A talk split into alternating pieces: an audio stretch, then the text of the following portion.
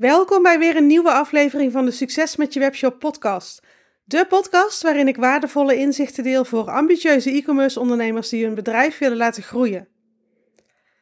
Ik wil het in deze aflevering met je hebben over de prestaties van jouw webshop.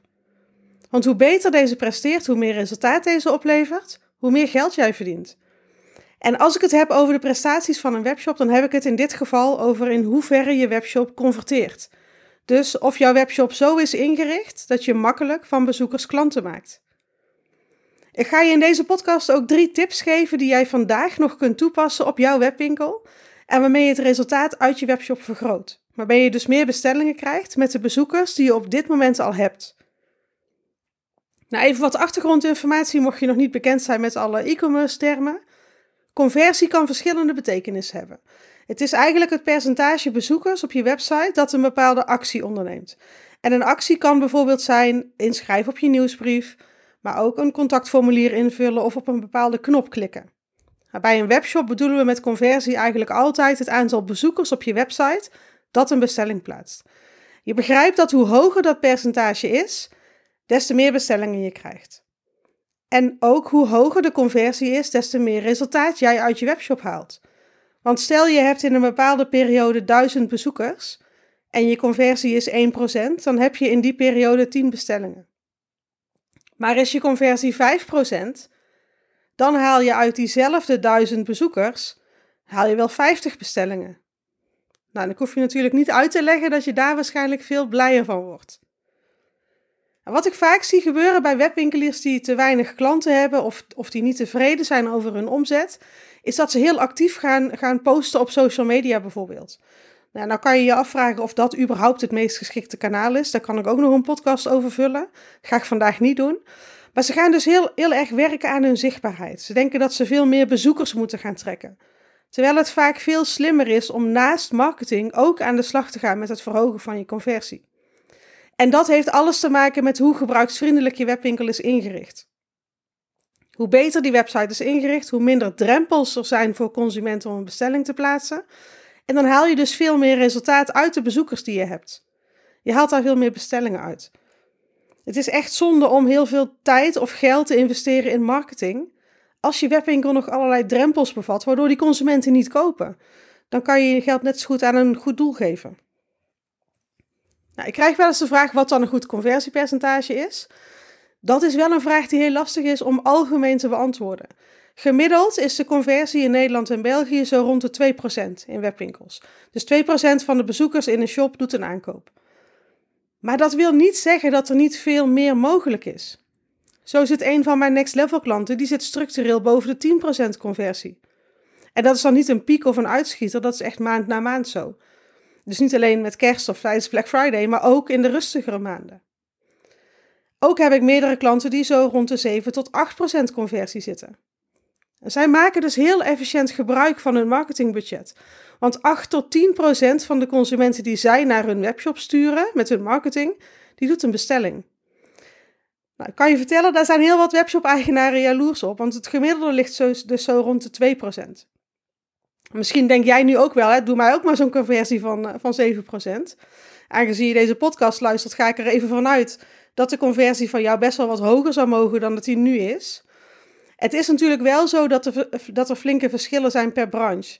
die 10% is voor een kledingwebwinkel bijvoorbeeld veel en veel lastiger dan wanneer je echt in een hele specifieke niche zit. Of wanneer je een eigen merk hebt en een loyale klantenkring. dus die 7, 8, 9, 10% is echt niet voor iedereen realistisch. Hou daar wel even rekening mee.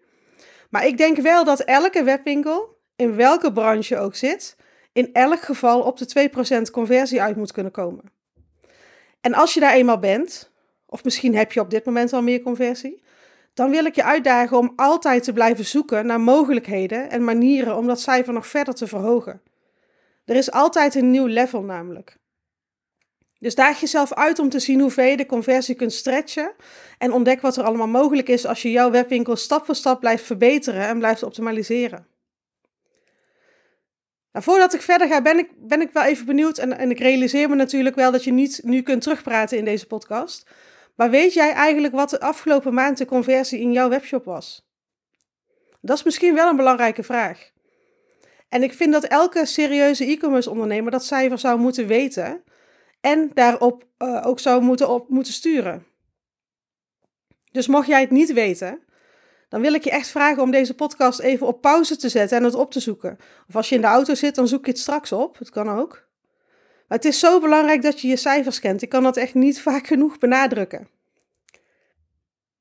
Dus echt, ik hoop dat als ik jou op een willekeurig moment vraag wat de conversie in je webshop is, dat je dat dan zo kunt vertellen. Of dat je het supersnel kunt opzoeken, dat mag ook natuurlijk. De reden dat ik deze podcast opneem is omdat ik niet zo lang geleden een webshop review had met een klant die een sieradenwebwinkel heeft. En een, een webshop review is een Zoom-sessie waarbij ik dan met een webshop-eigenaar in gesprek ga over die shop. En waarbij ik dan aangeef wat je zou kunnen verbeteren, waar nog kansen liggen. En we kijken dan ook naar alle cijfers, uiteraard. mijn eerste vraag is eigenlijk altijd hoe tevreden iemand zelf is met het resultaat dat ze uit die webshop halen. Want niet iedereen heeft dezelfde doelen. Nou, deze persoon gaf aan dat ze ontevreden was, dat ze heel veel uren en flink wat marketingbudget in haar bedrijf stopte, maar dat dat zich nog niet terugbetaalde in een omzet waar ze blij van werd, of die ze verwacht had. En ze had dus geen idee waar het aan lag, want voor haar gevoel had ze echt alles uit de kast getrokken, maar de bestellingen bleven tegenvallen. Nou, van dit soort gesprekken word ik altijd heel blij, want als iemand geen idee heeft waar het aan ligt, daar kan ik vaak wel wat mee. Want ja, als je niet weet waar het probleem zit, dan weet je ook niet hoe je het moet oplossen. Dus hoe kom je daar dan achter? Dat is door naar de cijfers te kijken. Nou, zij bleek dus in een maand gemiddeld 7000 bezoekers te hebben. Dat is echt wel netjes. Daar zou ze toch best wel wat bestellingen uit moeten kunnen halen. Maar daar zat meteen het probleem, want haar conversie was minder dan 1%. En ja, dan kan je dus wel heel veel bezoekers hebben, maar die kopen dan gewoon niet. Nou, dan kan je twee dingen doen. Je kunt gaan opschalen qua marketing. Dus nog meer bezoekers naar je website sturen in de hoop dat zij dan wel kopen. Maar dat gebeurt meestal niet. Of je gaat aan het werk met de gebruiksvriendelijkheid van je webshop. Je gaat die conversie verhogen, zodat de bezoekers die er zijn vaker op die koopknoppen klikken. Nou, dat is dus ook wat die klant uh, gedaan heeft. Ze ging vol inzetten op het verbeteren van de structuur van haar website. Uh, ze heeft haar menu aangepast. De homepage kreeg een betere indeling. Eh, en ik leerde haar hoe ze productteksten kon schrijven, waarin ze consumenten ook echt enthousiast maakte over haar product, over haar sieraden. En dat ze hen als het ware verleidde om op die bestelknop te klikken. En dat werkte. Binnen een maand zag ze al een verschil in haar conversie. En nu zijn we twee maanden verder en intussen is haar conversie van 0,91% naar 1,73% gegaan. Dat is bijna een verdubbeling. En met de 7000 bezoekers die ze gemiddeld per maand heeft, betekent dat dus dat ze van ongeveer 64 bestellingen per maand naar 121 bestellingen per maand gegaan is. Dat is echt wel lekker zo'n resultaat in twee maanden. Dus was ik helemaal blij toen ik haar deze week weer sprak. En hè, dan kun je nagaan dat een conversie van 1,73 nog steeds niet heel hoog is. Dat is nog steeds onder het gemiddelde. Dus er zit echt nog wel meer rek in als ze ook de komende tijd nog doorgaat met de optimalisatie van haar website. En conversieoptimalisatie is natuurlijk ook niet iets dat je één keer doet en dat je er daarna nooit meer naar kijkt. Eigenlijk zou je daar doorlopend mee bezig moeten zijn. Want er valt altijd wel weer iets te verbeteren of net nog even gebruiksvriendelijker te maken. En conversieoptimalisatie is dus één van die dingen die je kunt doen om je omzet te verhogen en je winst. En er zijn drie dingen die je kunt doen. Je kunt meer bezoekers trekken, dus meer marketing doen. Als je bezoekers verdubbelt, dan gaat je omzet potentieel ook keer twee. Als je dan ook de conversie verdubbelt, dan gaat je omzet weer keer 2. En het derde wat je kan doen is het gemiddelde bestelbedrag omhoog. Nou, als je dat ook verdubbelt, dan heb je dus uiteindelijk acht keer zoveel bestellingen als nu. En dit is even heel zwart-wit, hè, want die cijfers fluctueren altijd eh, natuurlijk een beetje. Vaak zie je een, een dipje in je conversie als je je bezoekersaantal flink gaat uh, laten stijgen. En dat heeft er dan bijvoorbeeld mee te maken dat je dan meer mensen naar je shop trekt. Maar dat dat dan ook mensen zijn die niet meteen kopen, omdat ze jou nog gewoon helemaal niet kennen die nog helemaal aan het begin van die klantreis staan. Consumenten moeten toch eerst meerdere keren van je gehoord en gezien hebben voordat ze een aankoop overwegen. Dus het is niet zo zwart-wit dat je omzet keer 8 gaat als je je bezoekersconversie en je orderbedrag verdubbelt. Maar ik wil hiermee wel laten zien wat er potentieel mogelijk is, ook voor jouw webshop. En wat mij betreft begint dit hele opschalen of het laten groeien van je webwinkel altijd bij het verhogen van de conversie. Het draait natuurlijk allemaal om jouw website. Die moet goed zijn, die moet gebruiksvriendelijk zijn. Drempels moeten verwijderd zijn. Eh, dus die dingen die consumenten weerhouden om te bestellen, Dat moet je oplossen. En je moet ook weten hoe je consumenten verleidt om een aankoop te doen. Hoe je hen zo enthousiast maakt dat ze makkelijk op die koopknoppen klikken. Nou, er zijn een heleboel dingen die je daarvoor kunt doen. Uh, in een van mijn trainingen, Boost Je Conversie, zit een conversiechecklist die je naast je webshop kunt houden. Uh, en waarmee je je webwinkel op 212 punten kunt controleren en verbeteren. Dus conversie verhogen gaat veel en veel verder dan de bestelknop de juiste kleur geven. Het zijn soms hele kleine aanpassingen die je doet, maar die wel een mega verschil in resultaat gaan geven. En in deze podcast ga ik dus drie conversietips met jou delen, die je meteen op je webwinkel kunt toepassen. Nou, de eerste tip die ik met je wil delen is dat je heel goed mag, jezelf mag realiseren dat mensen, consumenten, dat die zo geprogrammeerd zijn dat ze pas iets doen als jij daarom vraagt. Bijvoorbeeld als je een supergoed blog geschreven hebt, waar je heel veel tijd in gestopt hebt, wat goed in elkaar zit en jouw potentiële klanten lezen dat. Wat zou er gebeuren, denk je, als ze dan onderaan het blog zijn, aan het einde van de pagina? Nou, dat kunnen twee dingen zijn.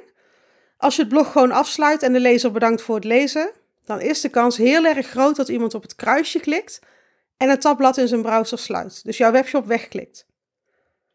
Maar als je in plaats daarvan onderaan het blog een hele duidelijke call to action zet, als je laat weten wat de lezer nu kan doen nadat hij het blog gelezen heeft, dan is de kans veel groter dat daarop geklikt wordt en dat de consument dus nog even op je website blijft. En ga maar naar hoe jij jezelf gedraagt als je aan het rondsurfen bent op internet. Als niet duidelijk is wat de volgende stap moet zijn, dan klik je weg. En dit geldt niet alleen voor je blog, dit geldt voor alle pagina's in je webshop. Elke pagina in jouw webshop heeft een bepaald doel. Het doel van je homepage is bijvoorbeeld om bezoekers snel een goed beeld te geven van wat je te bieden hebt. Je laat ze daar weten of ze op de juiste plek zijn, of dit voor hen de juiste website is, die, die biedt wat zij zoeken. Iemand vraagt zich onbewust altijd af: What's in it for me? Wat heb ik hieraan? En die vraag beantwoord je als het goed is op je homepage. Nou, vervolgens is het doel van die pagina om de bezoeker dieper jouw website in te sturen, richting de categorieën of richting een productpagina. Dus om die reden is het dus ook slim om de belangrijkste productcategorieën prominent in beeld te zetten op je homepage. En om ook links te plaatsen direct naar producten in je shop. Dus elke pagina heeft een bepaald doel. Nou, het doel van een productpagina spreekt voor zich, denk ik. Als een consument zich op die pagina bevindt, dan is het doel natuurlijk om hem of haar op die bestelknop te laten klikken. En zo een stap verder die verkooptrechter in te leiden richting de winkelwagen en richting de checkout. En dat betekent dus dat alles op die pagina erop gericht mag zijn om dat ene specifieke doel te bereiken. Dan plaats je daar dus geen social media knoppen waar mensen op kunnen klikken. Want dan zijn ze in plaats van in de winkelwagen op je Instagram of je Facebook profiel en daar kopen ze niet. Maar het betekent ook dat je dan bijvoorbeeld bij de bestelknop dingen neerzet die het vertrouwen vergroten. Bijvoorbeeld een zinnetje als eh, voor drie uur besteld vandaag nog verzonden. Of gratis verzending of iets dergelijks. Net, net wat voor jouw webwinkel van toepassing is. En zo geldt dat voor elke pagina in je webwinkel. Dus vraag jezelf bij elke pagina af: wat wil ik dat een bezoeker op deze pagina doet? Wat is de allerbelangrijkste actie die iemand kan nemen? En zorg er dan vervolgens natuurlijk ook voor dat die actie makkelijk en snel genomen kan worden. En dat er niet allerlei drempels uh, zijn of allerlei afleiding is waardoor mensen weer afhaken. En dat geldt dus voor je productpagina's, voor de homepage, maar ook voor de categorieën en je blog, je over ons pagina, je contactpagina. Elke pagina in jouw webshop heeft een doel. Volgens mij heb ik nu al veel meer dan één tip gegeven, maar die krijg je er dan gewoon gratis bij. Dus doe daar je voordeel mee. De tweede tip die ik je wil geven is dat je altijd de voordelen van je product benoemt in je productteksten. Want zoals ik net al zei, consumenten vragen zich altijd af: what's in it for me? Wat heb ik hieraan? Waarom zou ik dit kopen? En ze zijn zich daar meestal niet bewust van. Het gaat gewoon onbewust. Het speelt allemaal in hun hoofd. En als jij dan in een producttekst uitlegt waarom iemand dat product zou moeten kopen, dan is dat natuurlijk een fantastisch antwoord op die vraag in het hoofd van de consument. En dan zal je zien dat ze veel makkelijker op die bestelknop klikken. Nou, ik zal je een voorbeeld geven. Ik, ik gebruik vaak het voorbeeld van een stofzuiger. Een beetje een saai product natuurlijk. Uh, maar ik denk dat dit wel heel goed duidelijk maakt wat ik bedoel. Als je een stofzuiger verkoopt, dan zie je in de producttekst vaak iets staan als deze stofzakloze stofzuiger heeft een vermogen van 2000 watt en het snoer is 12 meter lang. Even heel kort samengevat, hè? En ja, dat zal ongetwijfeld waar zijn allemaal. Um, nou, ik ga ervan uit dat het waar is. Maar je begrijpt dat de gemiddelde consument hier nou niet bepaald warm of koud van wordt. Het is puur de feitelijke informatie over die stofzuiger. En sterker nog, ik denk dat heel veel mensen zich niet eens realiseren hoe fijn het eigenlijk is dat je stofzuigersnoer 12 meter lang is. Want dat betekent dat ze meerdere kamers achter elkaar kunnen stofzuigen zonder dat ze steeds van stopcontact moeten wisselen. En dat is dus precies wat je in de producttekst mag zetten. Als jij in je producttekst zet, dankzij het 12 meter lange snoer bereik je in één keer meerdere kamers en hoef je dus niet steeds uh, van stopcontact te wisselen. En doordat er in deze stofzuiger geen zak hoeft, bespaar je een hele hoop geld. En het is ook nog eens makkelijk, want je hoeft er niet elke keer aan te denken om op tijd nieuwe zakken te kopen. En over het vermogen. Uh, het vermogen van maar liefst 2000 watt zorgt voor superschone vloeren. Zelfs als je huisdieren hebt die overal haren achterlaten. Of als je een, een, een stofallergie hebt. He, zoiets. Zie je dat ik dan heel duidelijk de voordelen voor de klant benoem in plaats van alleen maar te zeggen: er hoeft geen zak in deze stofzuiger, het snoer is zo lang en het vermogen is zoveel watt. Maar juist door de voordelen te benoemen, heeft de klant veel beter een beeld van wat het hem of haar gaat brengen als hij die stofzuiger koopt. Want weet je, iemand wil helemaal geen stofzuiger kopen. Iemand wil een schone vloer. En het liefst zo snel en zo makkelijk mogelijk. Dus die schone vloer is precies wat je de consument moet verkopen als jij wil dat die stofzuiger besteld wordt. En dat doe je dus door altijd heel goed te bedenken: oké, waarom zou iemand dit product moeten kopen? Wat zijn de voordelen voor de consument? En door die te benoemen in de productomschrijving. Dus kijk straks eens naar jouw productteksten. In elk geval naar de productteksten van jouw meest uh, populaire producten. En benoem je daarin al de voordelen voor de klant. En als je dat gaat aanpassen, je zal echt gaan zien dat dat een verschil gaat maken in de conversie op de productpagina. Nou, en de derde tip die ik je wil meegeven, en dat is dat gebruiksvriendelijkheid altijd voorgaat op hoe mooi iets is. Ik zat een tijd terug met een aantal webshop-eigenaren aan tafel en er was nogal een felle discussie gaande over dat een webwinkel vooral heel mooi moet zijn, dat het een mooi design moet hebben. En dat snap ik. natuurlijk wil je een webwinkel die er gelikt uitziet, dat begrijp ik heel goed. Maar niet als dat ten koste gaat van de gebruiksvriendelijkheid. En dus van de conversie. Want dan zit je met een webwinkel waar je wel heel veel complimenten over krijgt. Zoals ook bij mijn klant het geval was.